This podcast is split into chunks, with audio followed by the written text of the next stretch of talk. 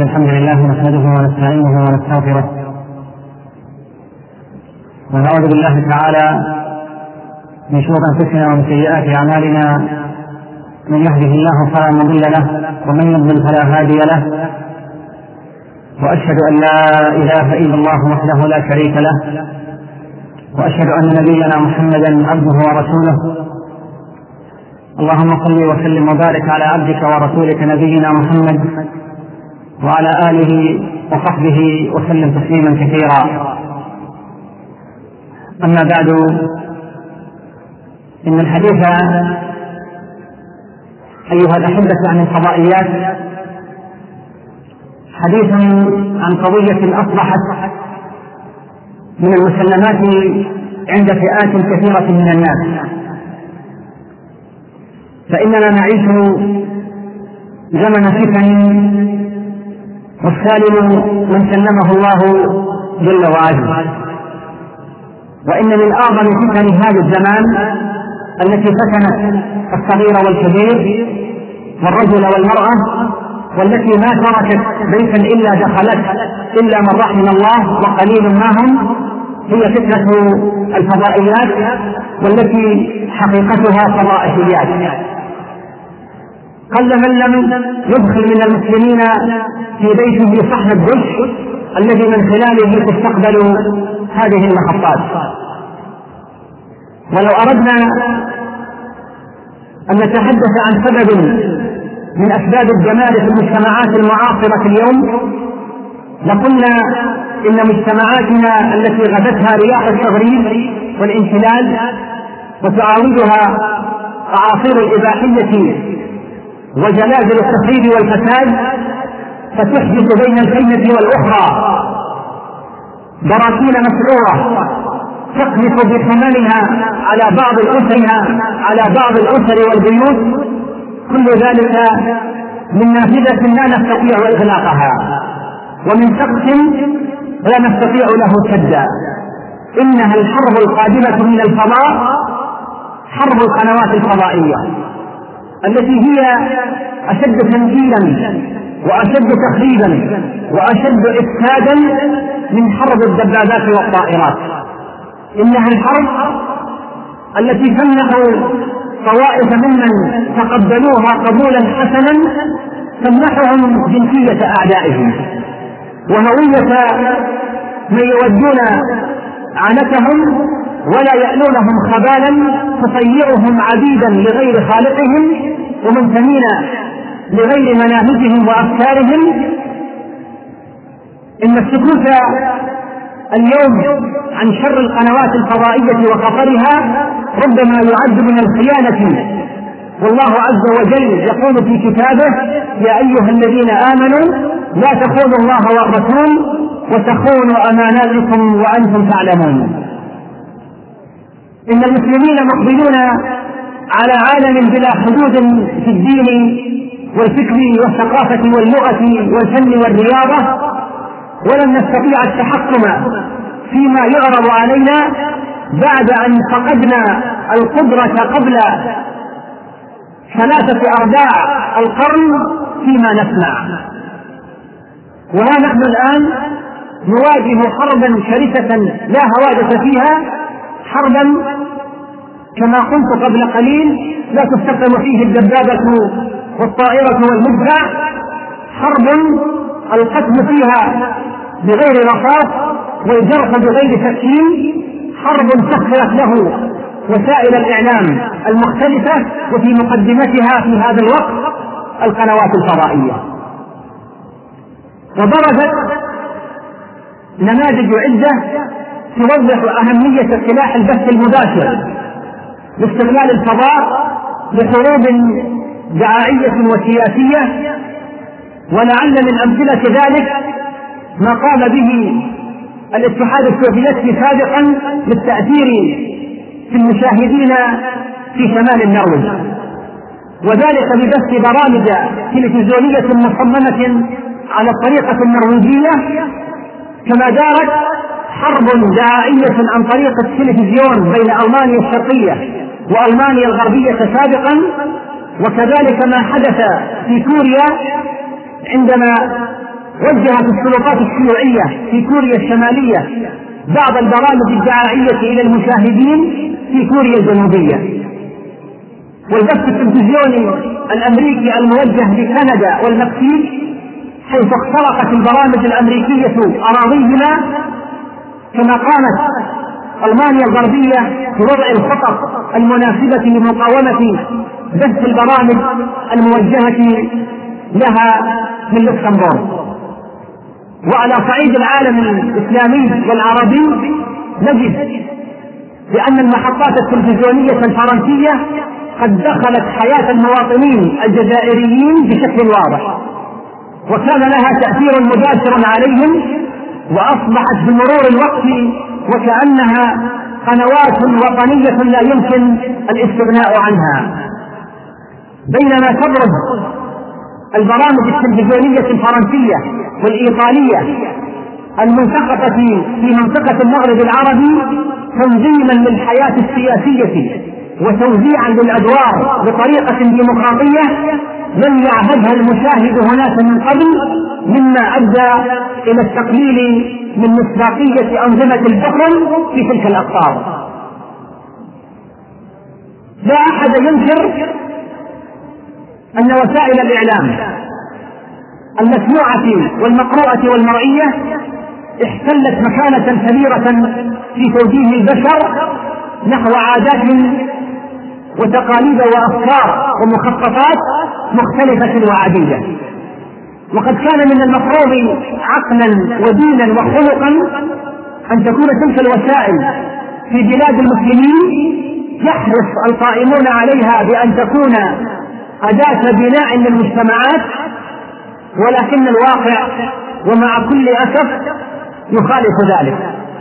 فأصبحت وسائل الإعلام بجميع شعبه وفي بلاد العالم الإسلامي أداة هدم وتخريب فأصبحت تبث سموما على الهواء وغير الهواء تفسد العقيدة والأخلاق وتأمر بالمنكر وتنهى عن المعروف وإن من أخطر وأشد هذه الوسائل إفسادا وتأثيرا هي القنوات الفضائية. إن التطور الكبير والسريع في تكنولوجيا الأقمار الصناعية جعل أقمار البث المباشر قادرة على التغطية الشاملة أو تغطية منطقة الخدمة بشكل أوسع مما تغطيه أقمار الخدمة الثابتة موصلة إرسالها إلى شاشة التلفزيون في المنازل مباشرة من دون أي تدخل من قبل أي جهة. متجاوزة حدود الدول. فضلا عن ذلك ما زالت العمليات التقنية جارية لتسهيل عملية وصول البث المباشر إلى العالم الإسلامي والعربي بل والعالم أجمع بوسائل سهلة ورخيصة إذ تسعى الشركات لإتمام البث التلفزيوني الفضائي المباشر عن طريق الهوائيات الاعتيادية من دون الاستعانة بالأطلاق الهوائية. ويتوقع أن يتم ذلك في مطلع القرن الحادي والعشرين. نسأل الله جل وتعالى ألا يكون ذلك. لذلك سيشهد هذا العالم أكبر صراع وتنافس بين الشبكات والمحطات والقنوات الفضائية وسيؤدي هذا إلى حرب تلفزيونية في الفضاء ويوجد حاليا خمسين قمرا كل واحد منها يبث عشرات القنوات التلفزيونية التي تغطي العالم الإسلامي والعربي ببرامجها المتنوعة. يشهد العالم حاليا تنافسا شديدا بين المحطات الفضائية للاستحواذ على أكبر عدد ممكن من المشاهدين ومن ثم تحقيق الأهداف التي تصبو إليها تلك المحطات ومما ساعد في ازدياد حلم التنافس التطورات الكبيرة التي تحققت في مجال تكنولوجيا الأقمار الصناعية وتتسابق المحطات الفضائية لتوفير أفضل الوسائل لجذب المشاهد على مستوى شكل البرامج ومضمونها.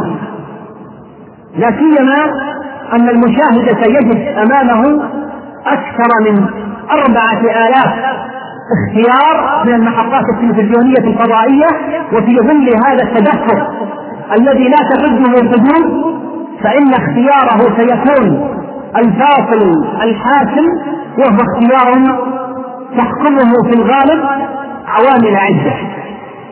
أي أن المشاهد سوف يحول مؤشر جهازه نحو المحطة التي تستهويه وتلبي احتياجاته ومن ثم فإن تلبية رغبة المشاهد سيؤدي إلى إنتاج برامج هابطة يدعي كثير من الإذاعيين أن الجمهور يريدها. يعد العالم الإسلامي والعربي من المناطق المتعرضة لبرامج المحطات التلفزيونية الفضائية ومن أبرز هذه المحطات محطة السي ان ان الأمريكية ومحطه البي بي سي البريطانية ومحطه اليورو نيوز الأوروبية. وهذه المحطات الثلاث أكثر شيوعا وتغطيه للعالم الإسلامي والعربي والأخيرتان من المحطات الدولية التي قد خصصت جانبا من إرسالها باللغة العربية وتنتمي هذه المحطات إلى دول متقدمة صناعيا وتقنيا في مجال الفضائيات وهي أمريكا وبريطانيا ودول السوق الأوروبية. وتعد هذه المحطات الثلاث من أكبر وأضخم المحطات الدولية الأجنبية سواء من حيث خدماتها المعلوماتية وفورية بث أخبارها على مدى 24 ساعة. أو من حيث تقنيتها الفضائية وطاقمها الفني. ويعد البحث الفضائي المباشر إحدى الظواهر الاتصالية الكبرى التي يتعرض لها ما يسمى بالعالم الثالث في الوقت الحاضر والتي ستكون لها آثار سيئة في المجتمع إذ أنها تتعامل مع عقول الناس من دون المرور عبر الرقيب أو حادث البوابة في وقت لم يعد امتياز البث القطر الواحد من مصدر واحد. ومن المحتمل بل من المؤكد أن يكون لهذا التأثير جوانب سلبية على عادات المجتمع وتقاليده وقيمه. وهناك دولا مثل فرنسا تفكر مليا بإنشاء محطات فضائية تبث برامجها باللغة العربية وأوكلت إعداد هذا المشروع وتهيئته إلى مدير إذاعة البحر الأبيض المتوسط الدولي بطلب من وزارتين الخارجية والداخلية الفرنسيتين وقدرت ميزانية هذا المشروع بحوالي 100 مليون فرنك فرنسي كما قررت الحكومة الفرنسية بأمر من الرئيس الفرنسي جاك شيراك إنشاء محطة تلفزيونية باللغة العربية من فرنسا عبر الأقمار الصناعية نحو العالم الإسلامي والعربي. وأظن يا أخي الحبيب أنه لا داعي أن يفصل لك لماذا تحرص أمريكا وأوروبا وبخاصة فرنسا على دعم البث المباشر في بلاد المسلمين ولماذا يقدمون هذه الخدمة المجانية وينفقون عليها من أموال شعوبهم الراضية بذلك؟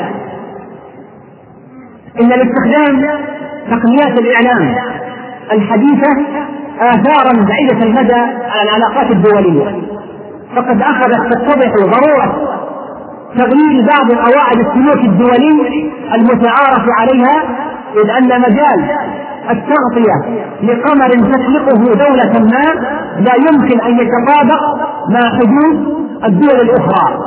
وهذا التجاوز يزعج الدول التي لا تكون راغبة في تلقي البرامج الواصلة إليها وقد يكون إيصال مثل هذه البرامج مقصودا بمعنى أن الدولة التي تقوم بالبحث تتعمد إيصال رسالة معينة إلى المشاهدين في الدولة الأخرى بقصد الكشف عن أحداث لا تريد تلك الدولة الكشف عنها. معلومات سريعة عن بعض المحطات. أولا محطة السي إن إن الأمريكية هذه الشبكة الإخبارية العالمية الوحيدة التي تبث على مدار الساعة إلى أكثر من 145 مليون منزل في أكثر من 315 دولة. وتكتسب هذه المحطة شهرتها العالمية في نقلها للأخبار من موقع الحدث بشكل لا مثيل له أبدا. وأظنك تعلم بأن هذه المحطة كأي عمل والآن تكاد أن تكون هي الأولى في العالم. وقد اشتهرت هذه المحطة بعرضها البرامج التالية. التقارير الوثائقية وتقارير التحقيقات والتقارير الاقتصادية والمقابلات والتقارير الإخبارية ومن أبرز البرامج الإخبارية والتي اشتهرت فيها المحطة استراحة الظهيرة وأخبار المحطة الصباحية وأخبار اليوم وساعة مع الأخبار العالمية والعالم في أسبوع وأخبار المساء وغرفة الأخبار فضلا عن برامج أسواق المال والتجارة في هذا الأسبوع وأسبوع الصفحة وأسبوع المال وغير ذلك. ويعد تلفزيون البحرين أول تلفزيون في المنطقة يبث برامج هذه المحطة على مدى 24 ساعة. كيف اشتهرت هذه المحطة؟ اشتهرت هذه المحطة في أحداث حرب الخليج. إذ أرسلت 150 صحفيا وفنيا للمنطقة وقد أنفق صاحب المحطة كل ما يحتاجه من أجل تغطية هذه الحرب التي بلغت تكاليفها 30 مليون دولار. وقد حققت المحطة في ليلة السادس عشر والسابع عشر من كانون الثاني من عام 91 للميلاد سبقا صحفيا بتفردها بنقل قصف العاصمة بغداد والقيام ببث حي ومباشر أثناء تعرض بغداد للهجوم الجوي وكانت تحت تصرف مراسل هذه المحطة شاحنة تحمل علامة السي ان ان بخط كبير على جانبيها مما وفر لها حماية من القصف الجوي فكانت المحطة الوحيدة التي عرضت تقارير حية من بغداد عن الضربة الجوية وبلغ عدد مشاهديها آنذاك في جميع أنحاء العالم حوالي ألف مليون مشاهد في وقت واحد. وهو أكبر عدد من المشاهدين يسجل في متابعة حدث غير رياضي. عبر تاريخ البث التلفزيوني. وبذلك حصلت هذه المحطة على فرصة ترسيخ نفسها على خارطة وسائل الإعلام العالمية. وفرض نفسها كمحطة متخصصة بهذه الأزمة مما أتاح لها فرصة تحقيق مردودات مالية كبيرة من خلال بيع برامجها الخاصة بهذه الحرب حرب الخليج إلى جميع تلفزيونات العالم يوميا. ومع كل هذا فينبغي ألا نغفل الحقائق التالية. أولا أن هذه المحطة تنظر إلى العالم من وجهة نظر أمريكية بحت ثانيا إنها مشروع تجاري رأسمالي ثالثا توصف بأنها آخر مثال على الإمبريالية الثقافية الأمريكية. ثانيا هناك قناة تسمى بقناة سات سبعة. هذه قناة فضائية عربية خصصت لخدمة نصارى العرب في منطقة الشرق الأوسط. وتتخذ هذه المحطة من العاصمة الأردنية عمان مقرا لها وقد بدأت البث في مطلع عام 97 للميلاد. تهدف هذه القناة بحد زعمها إلى تقوية روابط المحبة والأخوة والسلام وتعضيد نصارى الشرق الأوسط وتشجيعهم على حياة الإيمان زعموا ثالثا المحطة الفضائية الإسرائيلية. تبث هذه المحطة الإسرائيلية برامجها الموجهة للمنطقة العربية والإسلامية من خلال ثلاث قنوات تلفزيونية فضائية وهي. القناة الإسرائيلية الأولى والقناة الإسرائيلية الثانية والقناة الإسرائيلية الثالثة. والدول الإسلامية والعربية تتعرض إلى تهديد إعلامي خطير بسبب البرنامج الفضائي اليهودي الإسرائيلي.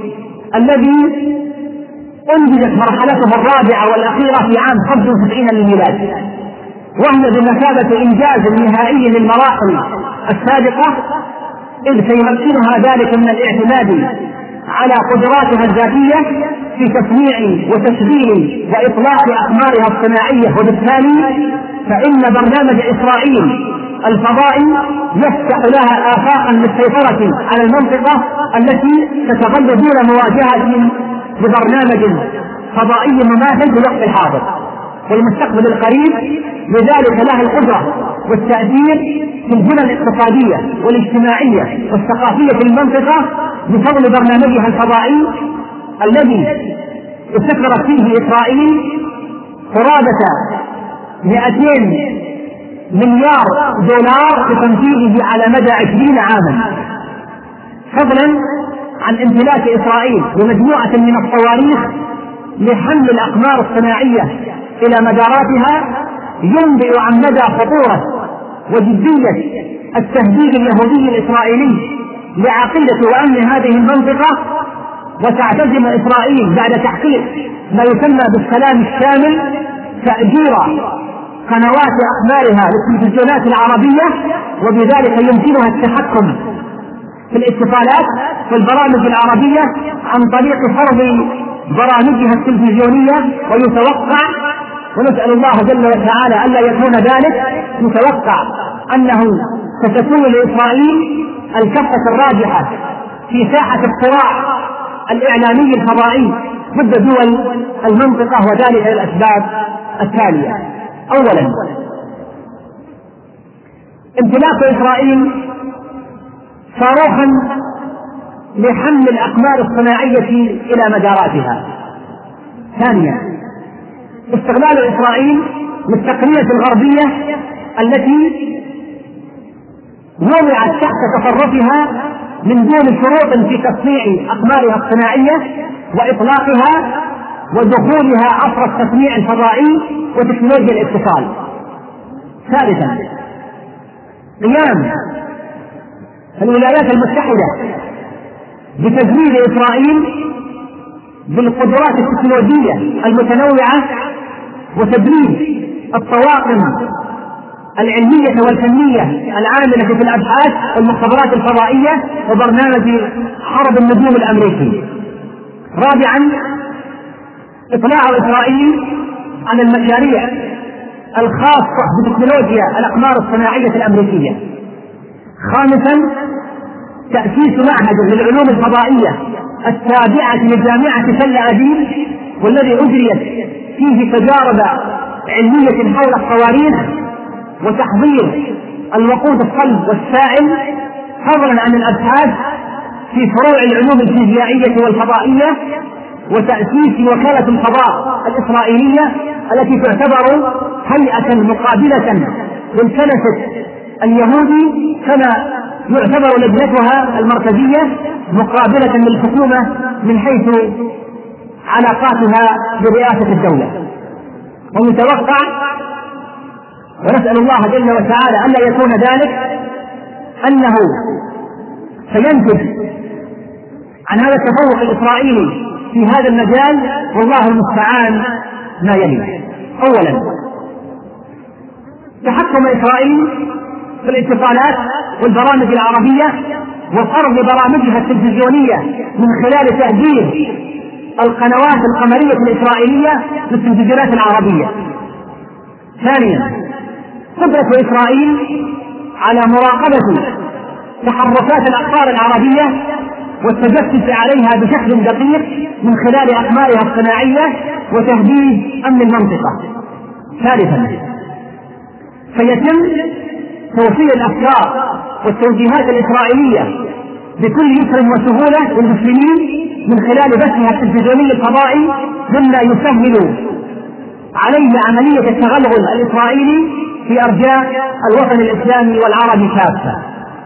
رابعا تشويه القيم الإسلامية والمعاني السامية بالدين الحنيف بأسلوب فني وتقني وغير مباشر وتمرير الأفكار والمعتقدات اليهودية خامسا تقديم أفلام إباحية بشكل متواصل من خلال القنوات الإسرائيلية التي تتنافى مع قيم ومبادئ المجتمع المسلم والتأثير على الأسرة المسلمة سادسا الترويج للصناعات والمنتوجات اليهودية الإسرائيلية من خلال الإعلانات التلفزيونية المتطورة وجلب وإغراء المستهلك العربي.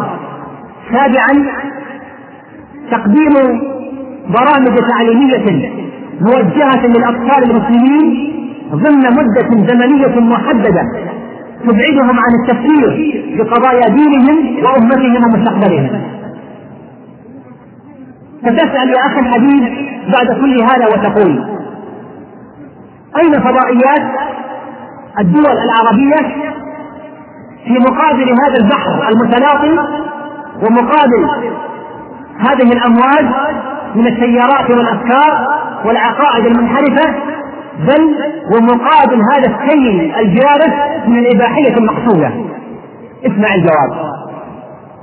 لقد أصبحت محطاتهم هي مصدر المعلومات للجميع بل وصل الأمر إلى زعزعة ثقة معظم الشعوب بإعلامهم وما يتلقونه من أخبار وأصبح الذي يتحكم في صياغة عقول الناس هي إذاعة لندن ومن كارلو وصوت أمريكا وعدد من المحطات الفضائية التي قد تخصصت في الأخبار وليس الأمر وقف عند سماع الخبر بل تعدى إلى التحليل وصار حديث الناس في المجالس فيما يتعلق بأخبار العالم وما يدور حولها من تحليلات وتوقعات مأخوذة عن هذه المصادر الغربية. مرة أخرى. أين موقع؟ قنواتنا الفضائيه من الإعراب. في مواجهة هذا التيار الجارف وماذا يقدم؟ سواء فيما يتعلق بمصداقية الأخبار وتحليلاتها أو فيما يتعلق بمقاومة الثقافة الغربية المسلقة على عقول وقلوب أبناء الأمة. الجواب إن الإعلام العربي والإسلامي غائب عن الساحة تماما. ويلاحظ على الفضائيات العربية المنزوعة إلى التمظهر فقط إليك هذا المثال الحي. أردنا أن نقلد الغرب في بعض إعلامهم فيما يسمى ببرامج الحوار. فافتتحتنا هذه البرامج وصار يتوالد عندنا توالد النمل وهي غالبا ما تكون مع نجوم السياسة ونجوم الفن وغيرهم أحيانا. والشغل الشاغل لهذه البرامج أن تكون على الهواء.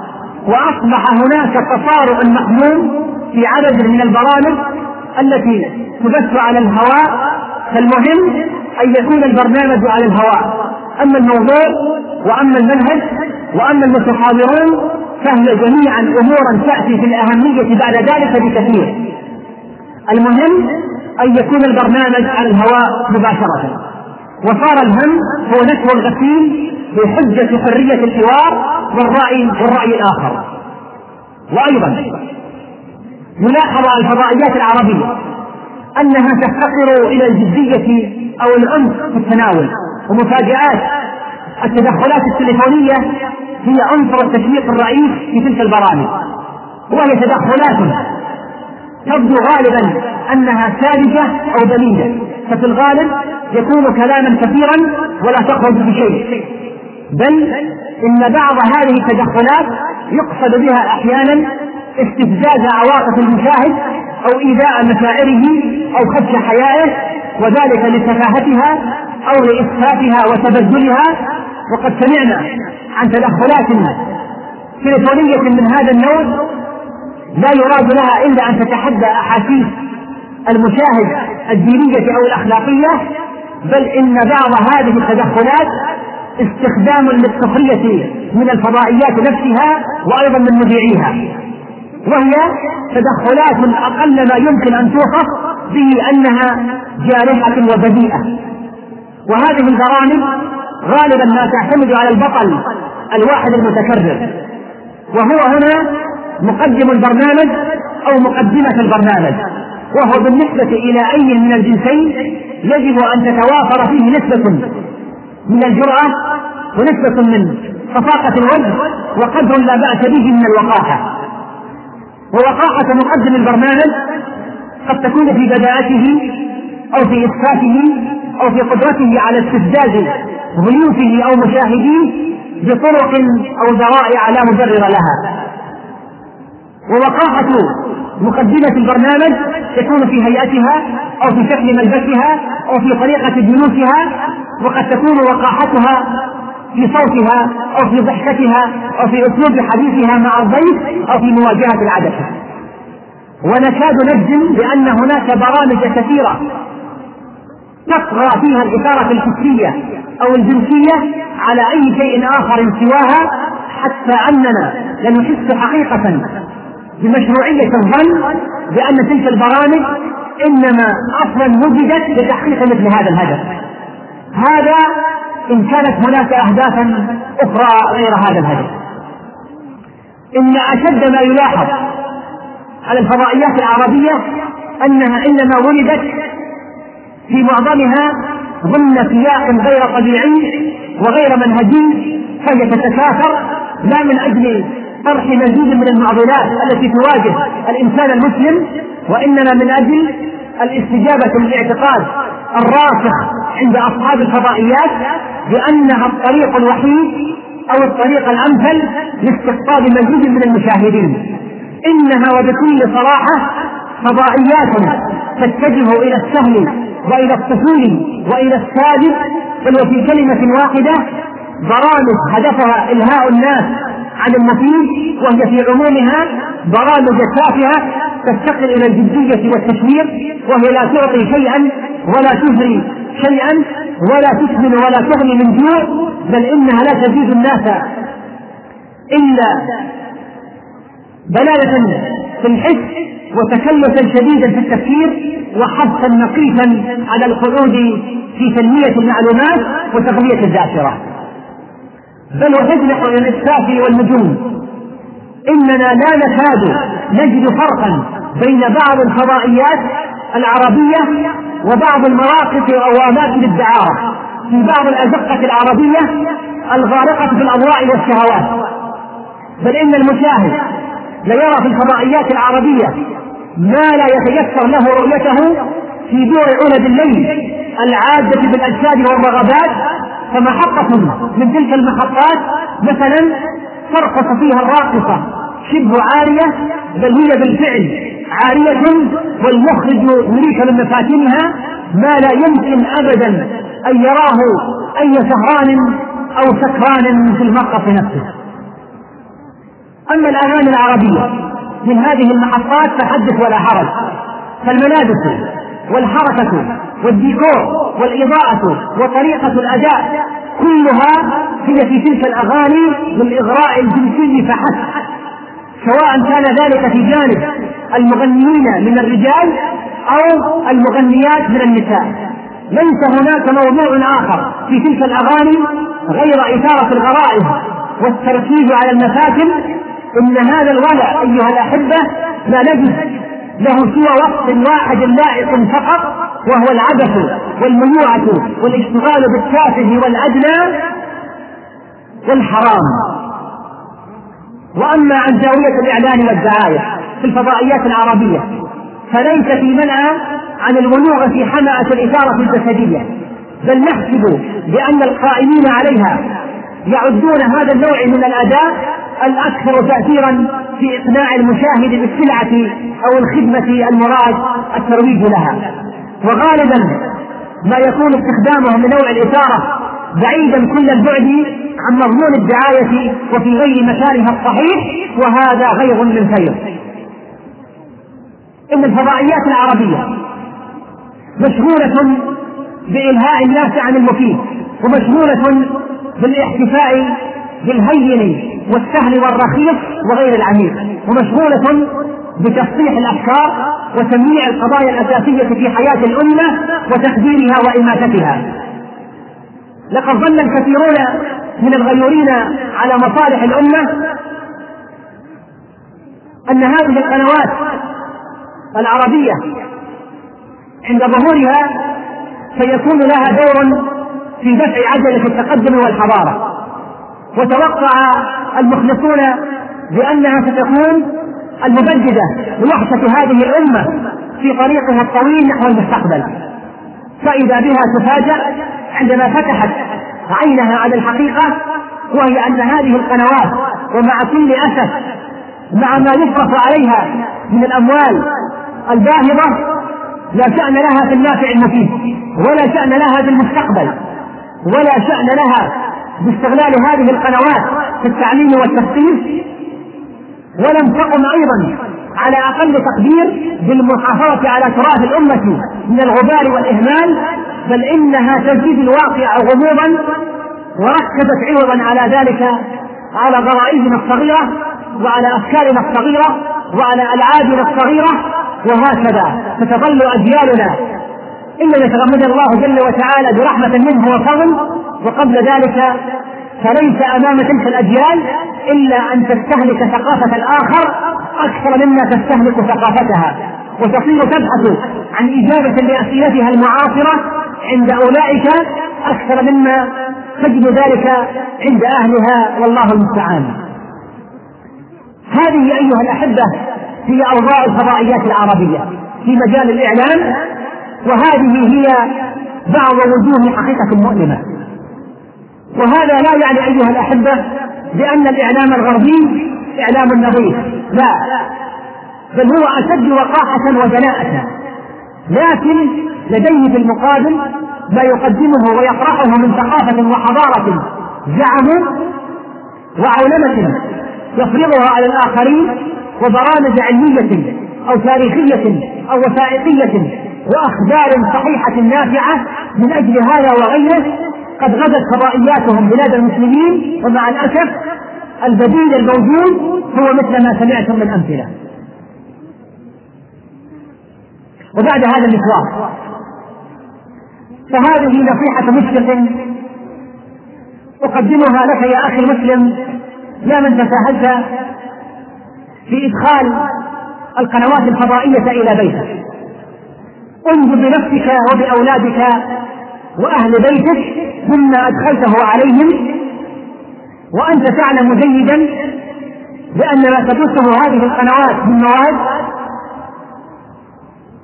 فلم تعد حجة متابعة أخبار العالم مقبولة ولا مستفاضة حتى عند من يحتجون بها لأن ما فيها من الشر والدمار والهلاك في دين المرء.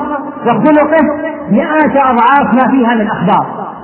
ثم هل أنك فعلا تتابع القنوات الفضائية من أجل الأخبار؟ متى كانت يا أخي الحديث الغاية في الإسلام تبرر الوسيلة؟ وهل هذه الأخبار خالية من صور الفتنة والأصوات المحرمة؟ ثم هل هناك أخبار مهمة غير ما يسمعه الناس عبر الإذاعات وهب أنك استمعت إلى الأخبار فقل لي ماذا ستفعل كم من مرة سمعت بمذبحة حصلت للمسلمين أو سمعت بل وشاهدت عدوانا يهوديا أو نصرانيا كافرا على جهة ما أو أرض ما فماذا فعلت؟ فماذا فعلت؟ وها هي القنوات الفضائية تعرض في هذه الأيام التقتيل والتشريف السافر لإخوان المسلمين في أرض الشيشان تصفية عرقية على مرأى ومسمع من العالم فماذا فعلت؟ وماذا ستفعل فلنكن صرحاء أيها الأحبة. لقد تعود الأولاد أن يشاهدوا الدعارة بكل ما تحمل هذه الكلمة من معنى. أليس ظلما منك لولدك أن تعوده على رؤية المرأة والرجل في وضع الزوجين وتعوده على مشاهدة القبل المحرمة. ألا تظن أنك لن توقف بين يد الله عز وجل وتسأل عن تعليمك لولدك وبنتك طرق المعاكسات وأساليب ارتكاب الفاحشة؟ بالطبع ستقول أنك لم تفعل ذلك لكنك قد فعلت شئت أم أبيت عن طريق إدخال الدش في بيتك. فيا أولياء أمور البنين والبنات إني أخاطب الإيمان الذي في قلوبكم وأخاطب الإسلام الذي تعتنقون وأنتم أعلم مني بأن ما يعرض في بيوتكم عبر هذه القنوات أنها تخالف إسلامكم الذي تعتنقون ويضاد إيمانكم الذي تحملون. فهذه نصيحة مشفق عليكم انجوا بأنفسكم من عذاب الله وسخطه. صار من الطبيعي أيها الأحبة أن تتفرج. الأسرة على مشهد رجل يحتضن امرأة ويقبلها لأنه يمثل دور أبيها أو دور زوجها. وصدق الناس ذلك ولم يعد منكرا. وأصبحت الأسرة المسلمة لا تنكر وجود رجل وامرأة في وضع الزوجين لأن هذا تمثيل وهذا ممثل محترم وإنها ممثلة قديرة. كما أصبحت المناظر والمشاهد لشرب الخمور وحفلات الرقص والتدخين والاختلاط وسفور المرأة وغيرها من المفاسد أمرا عاديا ولا نكارة فيه البتة ويشاهده المسلمون المصلون ولا نكارة عندهم. إني متأكد يا من سمحت بهذه القنوات في بيتك. إني متأكد وعلى يقين أنك لا تزال غيورا على محارمك محبا لخالقك ونبيك ودينك. ولا يسرك أن ترى أولادك وبناتك يقلدون ما يرون في هذه القنوات أو يتفرجون على مشاهد مخزية أو صور خليعة ولكن تبقى الشهوات والغفلة هي التي تقلبك بين التسويف والتخلص منه. فلماذا لا تسرع بالتخلص منه وأنت أدرى بحاجتك للتخلص منه أكثر من غيرك بل الإنسان على نفسه بصيرة إن القنوات الفضائية أيها المحب ليس بشراب تشربه حتى تموت من الظمأ إذا عدم من بيتك وليس بطعام تأكله حتى تموت من الجوع لو أزيل من بيتك وليس بدواء فيه الشفاء حتى تموت من المرض لو أخرج من بيتك لم تعد خطورة الفضائيات مقتصرة على النواحي الأخلاقية فحسب بل إنها أيضا تهدد أمن البلاد من خلال بث الأفكار المنحرفة والدخيلة على مجتمعاتنا الإسلامية وأيضا من خلال تعليم الناشئة طرق ارتكاب الجريمة وطرق الاغتصاب وإتقان عمليات السطو والسرقة والقتل بل وحتى كيفية صنع المتفجرات من بعض المواد المتاحة وغيرها من الأشياء التي تعرض على مجتمعاتنا على أنها أفلام وهي في حقيقتها بث لهذه السموم ومحاولة لزرعها في المجتمعات الآمنة والمحافظة. فمن المستفيد أيها الأحبة من ترويج مثل هذه الأفلام؟ ومن هو المغبون؟ ولم يقف الأمر عند مشاهدة فيلم أو مسلسل بل هناك من يحاول أن يطبق في النهار ما تعلمه في الليل من هذه القنوات. ويكفينا أن بعض الجهات المسؤولة تشتكي من ازدياد نسب الجرائم الأخلاقية والجنائية الأمر المعروف والنهي عن المنكر والشرطة والمحاكم وغيرها. إن هناك أيها الأحبة محطات تخصصها زعزعة الأمن في الدول تعلم طرق الجريمة والتفجيرات وإن كل عاقل ينظر إليها ليعلم أنه ليس في صالح أهل أي بلد أن يشاهدوا مثل هذه الأشياء. إنما يعرض على الأسر الآن من خلال المحطات العربية فيها من الطامات ما فيها. وفيها من الشر ما فيه فما بالكم أيها الأحبة لو سهل الأمر وبأسعار زهيدة بل إن الأمر قد سهل بأن يتفرج الناس على محطات فرنسا وبريطانيا وأمريكا وإيطاليا وإسرائيل. وما يعرض هناك إن كل شيء كما نعلم في عرفهم حلال وسوف يدخل علينا شر لا يعلمه إلا الله عز وجل. فلا غرابة والأمر كذلك أن يفتي علماء هذه البلاد حفظهم الله جل وتعالى وأطال في أعمارهم ورحم الأموات منهم أن يفتوا بحرمة هذه. فيا أولياء أمور البنين والبنات إني أخاطب الإيمان الذي في قلوبكم وأخاطب الإسلام الذي تعتنقون وأنتم أعلم مني بأن ما يعرض في بيوتكم عبر هذه القنوات أنها تخالف إسلامكم الذي تعتنقون ويضاد إيمانكم الذي تحملون. فهذه نصيحة مشفق عليكم. انجوا بأنفسكم من عذاب الله وسخطه. صار من الطبيعي أيها الأحبة أن تتفرج. الأسرة على مشهد رجل من عليكم. انجوا بأنفسكم من عذاب الله وسخطه. صار من الطبيعي أيها الأحبة أن تتفرج. الأسرة على مشهد رجل يحتمل امرأة ويقبلها لأنه يمثل دور أبيها أو دور زوجها. وصدق الناس ذلك ولم يعد منكرا. وأصبحت الأسرة المسلمة لا تنكر وجود رجل وامرأة في وضع الزوجين لأن هذا تمثيل وهذا ممثل محترم وإنها ممثلة قديرة. كما أصبحت المناظر والمشاهد لشرب الخمور وحفلات الرقص والتدخين والاختلاط وسفور المرأة وغيرها من المفاسد أمرا عاديا ولا نكارة فيه البتة ويشاهده المسلمون المصلون ولا نكارة عندهم.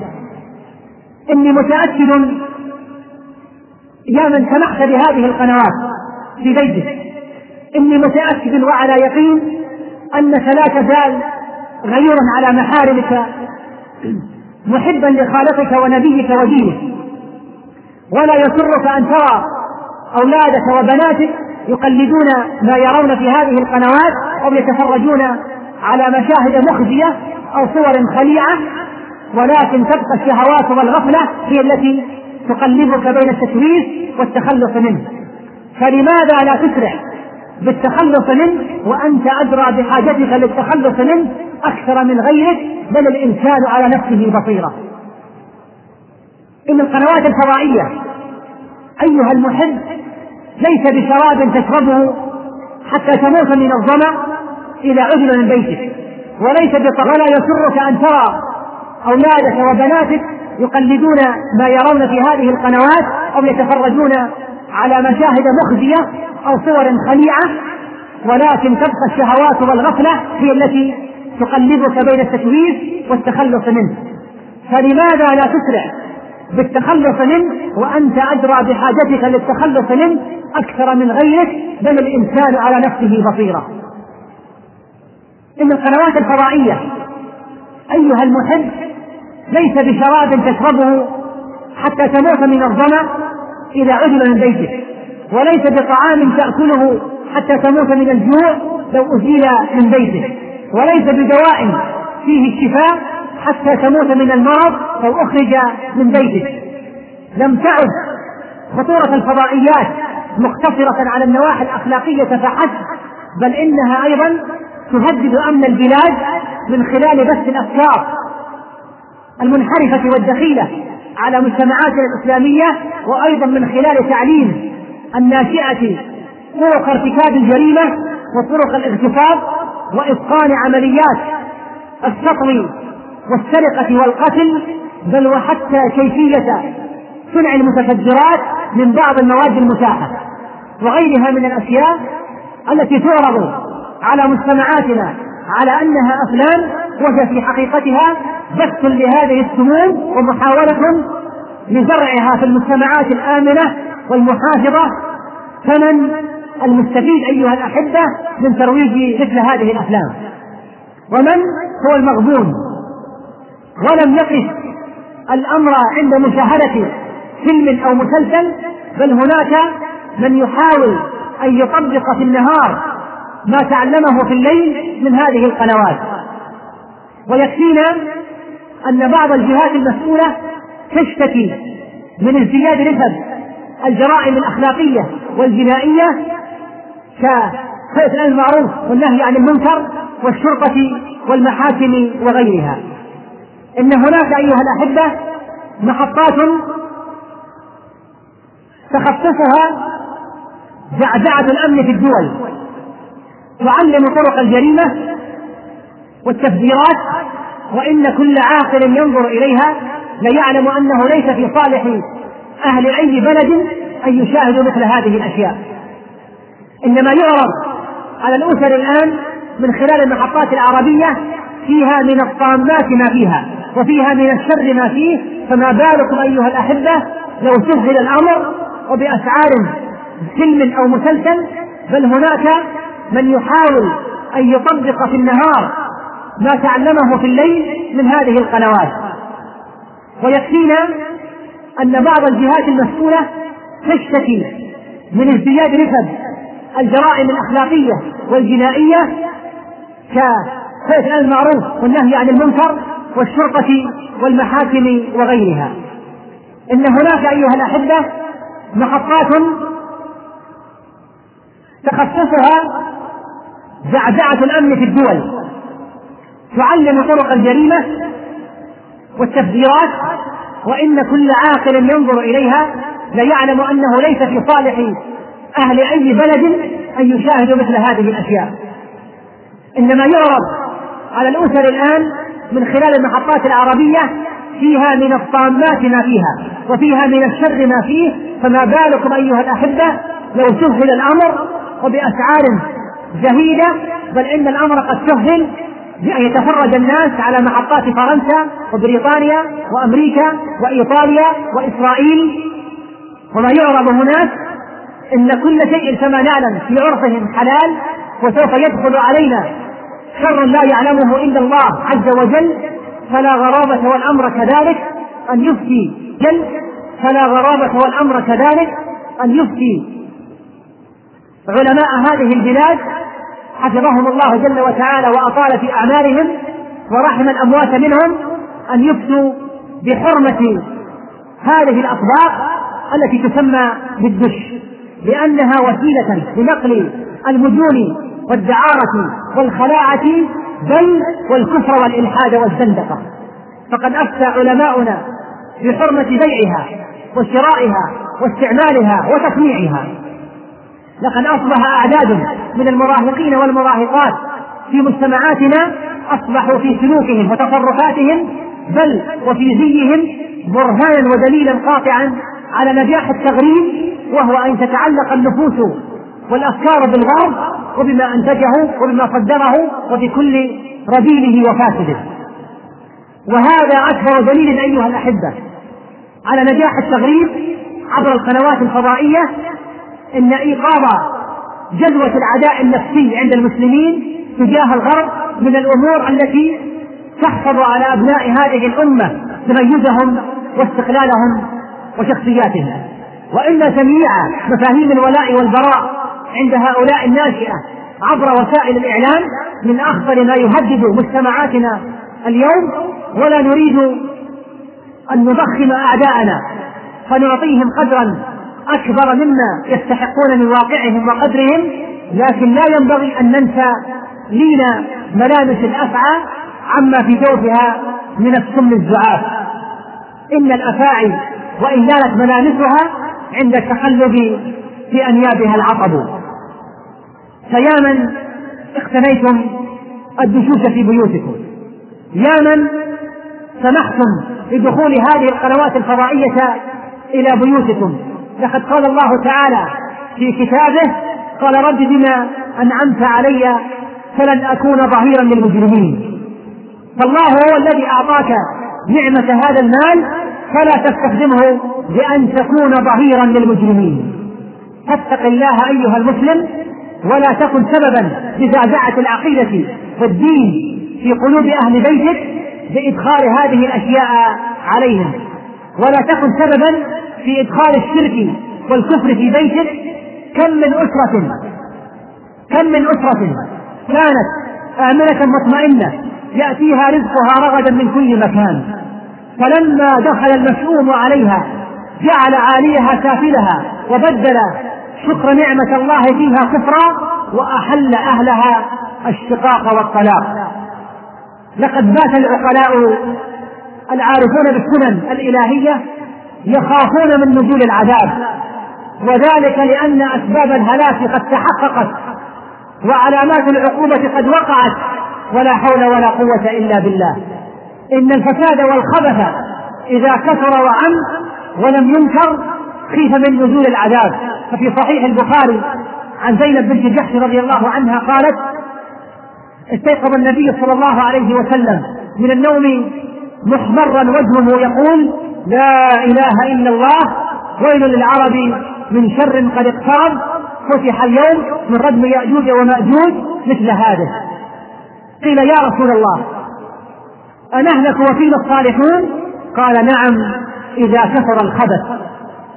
وهل هناك خبث أعظم خطرا وأشد ضررا من تلكم الأفلام الفاسدة وهذه القنوات المدمرة والتي استساغها عدد غير قليل من المسلمين غافلين أو متغافلين عن ضررها وخطرها وشرها وبلائها وآثارها وتدميرها إنها غزو مدمر للعقيدة والأخلاق غزو مدمر للأمن والاستقرار. كم نادى العلماء بتحريمها وكم حذر العقلاء من أخطارها وكم نادى الغيورون ببيان آثارها. ولكن المفتونين بمشاهدتها ينادون من مكان بعيد إن هذا الدش أو هذا الطبق الهوائي ضربة في وجه الفضيلة. إنه تدمير للعقيدة الإسلامية نظرا لما ينقل ويشاهد فيه من العقائد الوثنية والطقوس النصرانية والبدع المحدثة إنه مع هذا تحطيم للأخلاق الفاضلة والطهر والعفاف. وإنما الأمم الأخلاق ما بقيت فإن هم ذهبت أخلاقهم ذهبوا. إن العرب أيها الأحبة كما نعلم هم أغير الناس على الأعراض.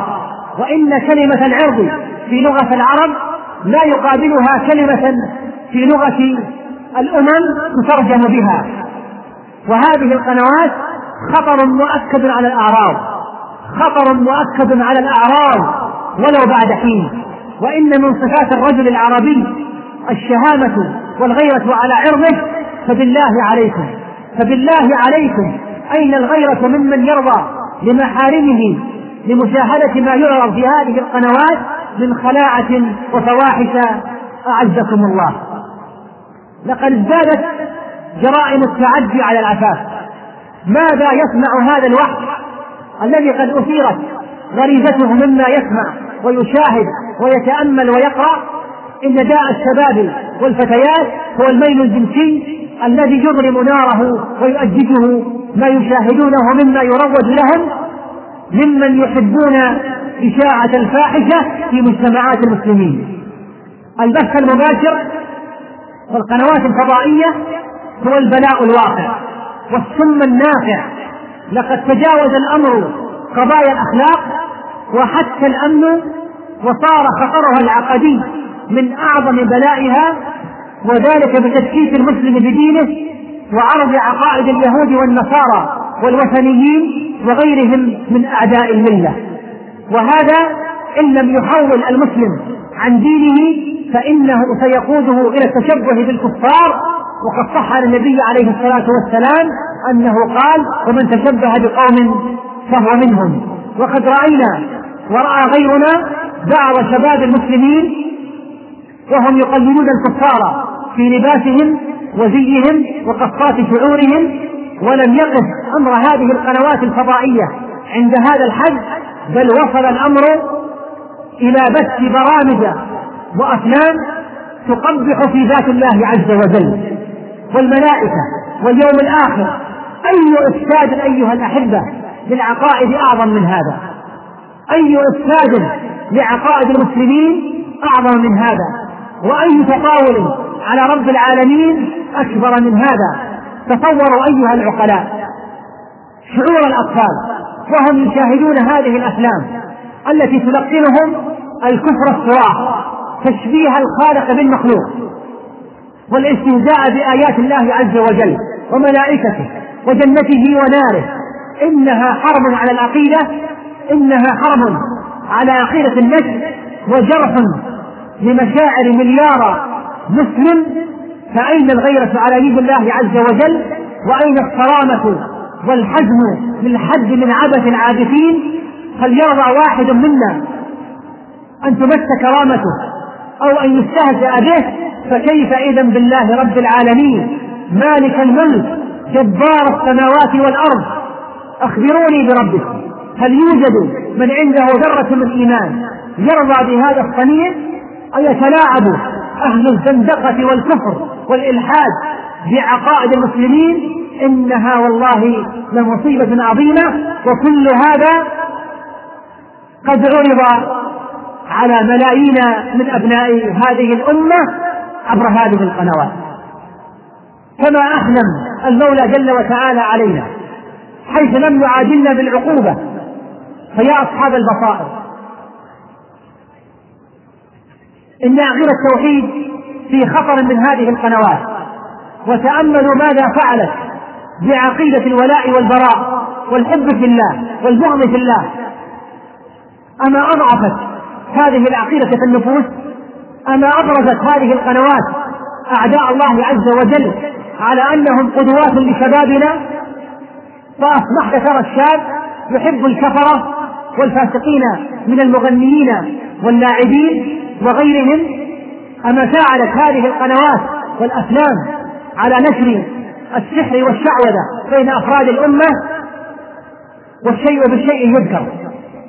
فإن من صور إفساد القنوات الفضائية بعقائد المسلمين ما ينقل في هذه الأيام بمناسبة الألفية الثالثة بل ما سينقل حيا على الهواء ذلكم العيد النصراني الباطل وتلكم الاحتفالات الشركية من بيت لحم في فلسطين ذات المكان الطاهر الذي تدنسه اليوم أيدي اليهود الآثمة وعقائد النصرانية المحرفة الباطلة وسينقل حيا على الهواء صورا من هدم عقيدة المسلمين وتمييع عقيدة الولاء والبراء وغيرها والله المستعان. وهل تظنون أيها الأحبة بأن خطرها قد انتهى عند هذا الحد؟ كلا والله. بل إنها تسبب زعزعة الأمن وحدوث الجرائم نظرا لعرض أفلام العنف وتعليمها لفن الجريمة ويتنادى الآن الكتاب والمفكرون في الغرب للحد مما يعرض من برامج تعلم فن الجريمة حيث أثبتت الإحصاءات أن معدل العنف والجريمة في بريطانيا ارتفع بشكل ملحوظ نتيجة انتشار الأفلام. البوليسية أو أفلام المطاردات. إنها تساهم في تعليم أساليب القتل والاحتيال والإجرام. فأين المعتبرون فأين المعتبرون كم من مشهد في هذه القنوات يعرض فيه عبادة القبور وتشوه من خلاله سير الأنبياء والصالحين وترسخ من خلاله عقائد باطلة كعقيدة تناسخ الأرواح. كم من فيلم شوه المعاني الشرعية كتعدد الزوجات والطلاق وغير ذلك إن هذه القنوات يشاهد فيها الفحش والعلاقات المحرمة وما يفتح المرء من وصفه ومنكراتها لا تحصى من عرض التبرج والغناء والخمور والمخدرات والتدخين مما يجعل المشاهد يألف هذه المناظر ولا يعدها منكرا. ثم إن هذه القنوات الفضائية لمن أكبر الوسائل التي استخدمها الغرب في نقل العولمة إلى بلاد المسلمين. وسيكون لنا بإذن الله عز وجل حديث خاص عن العولمة ولا تكفيها هذه العجالة. لكن مما ينبغي أن يعلم بأن الغرب استخدم وسائل عديدة في نقل العولمة إلى بلاد المسلمين وكان من أكبر وأقوى وسائله القنوات الفضائية وشبكات الإنترنت. وأيضا من آثارها أنها سبب للتأخر الدراسي عند الطلاب. فلقد أجريت دراسات متعددة كان من نتيجتها أن السبب الرئيس لضعف تحصيل الطلاب والطالبات هو أنهم يشاهدون هذه القنوات المفسدة والأفلام الماجنة فهل من معتذر؟ تذكر بعض الإحصاءات أن بعض الطلاب في البلاد العربية عندما يتخرج من مرحلة الثانوية العامة يكون قد أمضى أمام التلفاز خمسة عشر ألف ساعة. بينما لم يبقى في حجرات الدراسة أكثر من عشرة آلاف وثمانمائة ساعة على أقصى تقدير. هذا إذا لم يتغيب عن بعض الحصص. بل نشرت جريدة الأخبار المصرية في أحد أعدادها دراسة علمية قامت بها جامعة القاهرة حول مدى تأثير القنوات الفضائية على طالبات الجامعات. وقد أجري البحث على خمسة آلاف طالبة جامعية تتراوح. أعمارهن بين التاسعة عشر والثالثة والعشرون عاما وقد التحقن بالجامعة بمجموع يتراوح بين ثمان وثمانين بالمئة إلى سبع وتسعين بالمئة من مجموع الدرجات الثانوية العامة. بمعنى أنهن من أجود الطالبات. فماذا كانت نتيجة هذه الدراسة. خمسة وثمانين بالمئة يشجعنا أن يشاهدوا أفلام الجن ثلاثة وخمسين في المئة تركنا الصلاة والعياذ بالله بسبب تأثير القنوات الفضائية. اثنين وثلاثين بالمئة أهملنا الدراسة وحضور محاضرات الجامعة بسبب السهر. طوال الليل أمام هذه الفضائيات ونتائج أخرى مخزية. اعلم أخي المسلم بأن هذه الدراسة قد أجريت في عام 97 للميلاد فما هي النتائج؟ ونحن في أواخر عام 99 للميلاد وقد قطعت القنوات الفضائية في هذه الفترة مسافات هائلة في الانحلال والتفسق والعري فانتبهوا يا أولياء الأمور على أولادكم. فالقضية جد خطير فاتقوا الله في أنفسكم واعلموا أنكم غدا بين يدي الله عز وجل موقوفون فتوبوا إلى الله عز وجل وأخرجوا أجهزة الشر والفساد من بيوتكم واصدقوا مع الله سبحانه وتعالى قبل هجوم الموت وانقطاع العمل. قبل أن تكون هذه الدشوش من التركة فيجرى عليكم الإثم والوزر وأنتم في البرزخ فبئس المال والأساس ما يسبب لصاحبه حسرة وندامة ووزرا وملامة في قبره ويوم حشره. أما أنتم أما أنتم يا من سلمتم من هذا البلاء. فاحمدوا الله جل وتعالى على العافية. واسألوه الثبات على الحق. وناصحوا إخوانكم بالتي هي أحسن.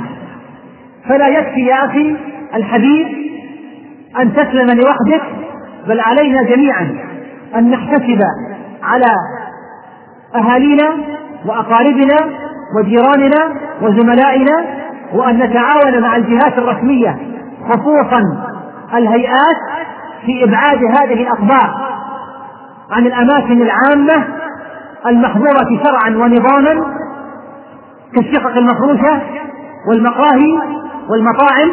فإن وجودها في هذه الأماكن من أخطر الأشياء وربما استغل بعض أصحاب الشقق المفروشة بعض هذه القنوات السيئة والتي يعرض فيها الفاحشة والدعارة بكل جراءة ووقاحة وقاموا بتأجير هذه الشقق على أصحاب القلوب المريضة بالساعة.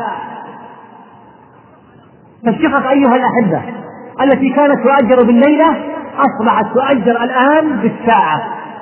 فماذا يعني هذا؟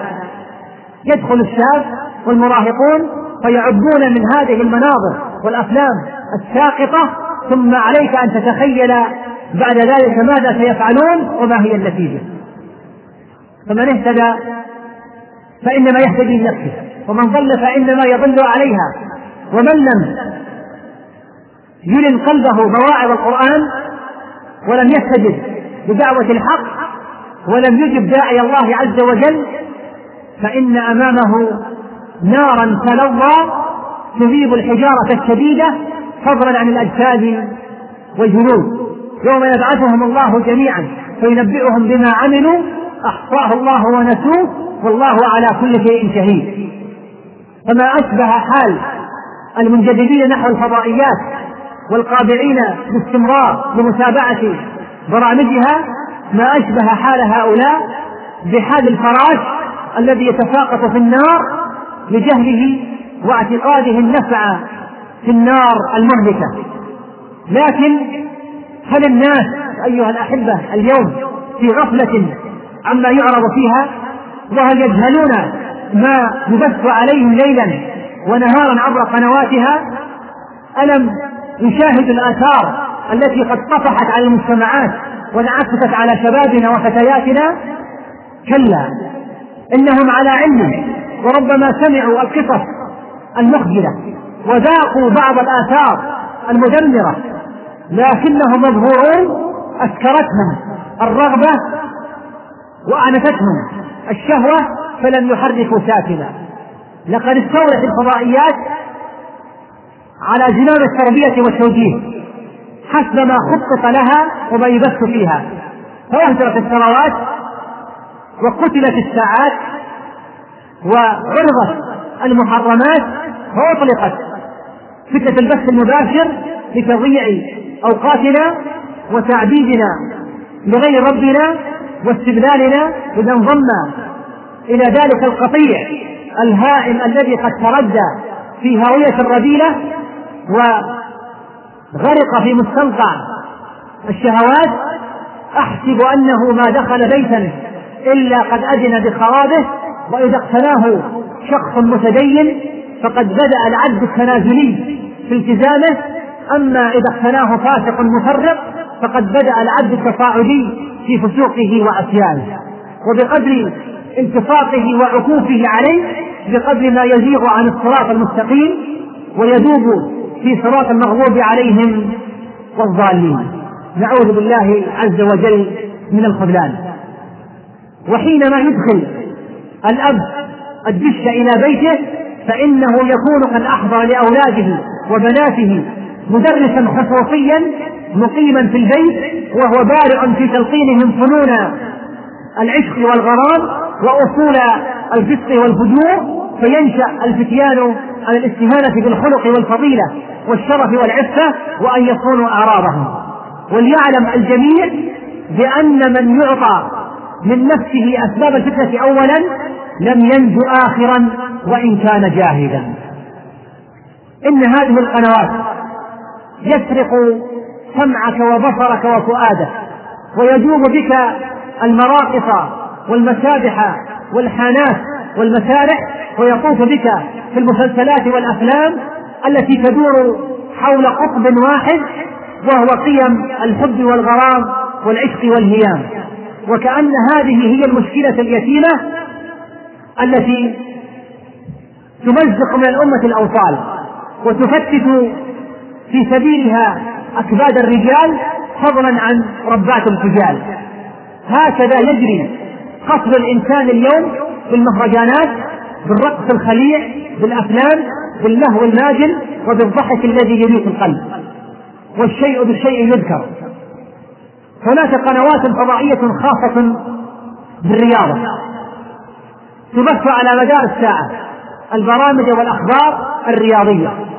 وكأن الذي عندنا لا يكفي حتى يخصص قنوات لهذا الهوس الذي أحسن من سماه المجنونة المستديرة يعني الفرص التي في سبيلها تنفق الأموال وتشد الرحال وتهدر الأوقات ويتخاصم الإخوان وتحترق الأكباد وتسكب العبرات وتتعالى الصيحات من الأحشاء الملتهبة إن الهوس الكروي نقل عقول الأمة إلى أقدامها وتعاطاه الرجال والنساء والشباب والشيبة والمراهقون والأطفال وفي سبيله خربت بيوت الله عز وجل وهجرت حلق الذكر واشتعلت النزاعات العائلية وضيعت الواجبات الدينية والالتزامات الوظيفية فمن المسؤول عن هذا الخبل الكروي الذي قد طغى على عقول أكثر الناس اليوم؟ إن أمة هذه حالها تحتاج بالضرورة إلى تحليل نفسي وعلاج قلبي وتحويل جذري إلى وجهة أخرى نحو معالي الأمور إنها بحاجة إلى من ينقذها من هذا الإجمال لتقوم من رحلتها وتفيق من غفلتها إنها بحاجة إلى أن تعرف أعداءها الراغبين خلف الشاشة الذين يوهمونها بانتصارات وهمية وهزائم خيالية بعيدا عن واقع الحياة بعيدا عن الرسالة التي حملتها هذه الأمة وهي خير أمة أخرجت للناس. وإن الأمل بعد الله عز وجل على العلماء المخلصين وعلى الدعاة الصادقين وعلينا نحن جميعا أن نتعاون على قلع هذا الصنم من قلوب الناس. وأيضا من بيوتهم بالحكمة والموعظة الحسنة. فأسأل الله جل وتعالى بأسمائه الحسنى وصفاته العلى أن يجعلنا جميعا مفاتيح للخير مغاليق للشر وأن يستعملنا لطاعته. إنه سميع مجيب. وآخر دعوانا أن الحمد لله رب العالمين وأصلي وأسلم على نبينا محمد وعلى آله وصحبه أجمعين.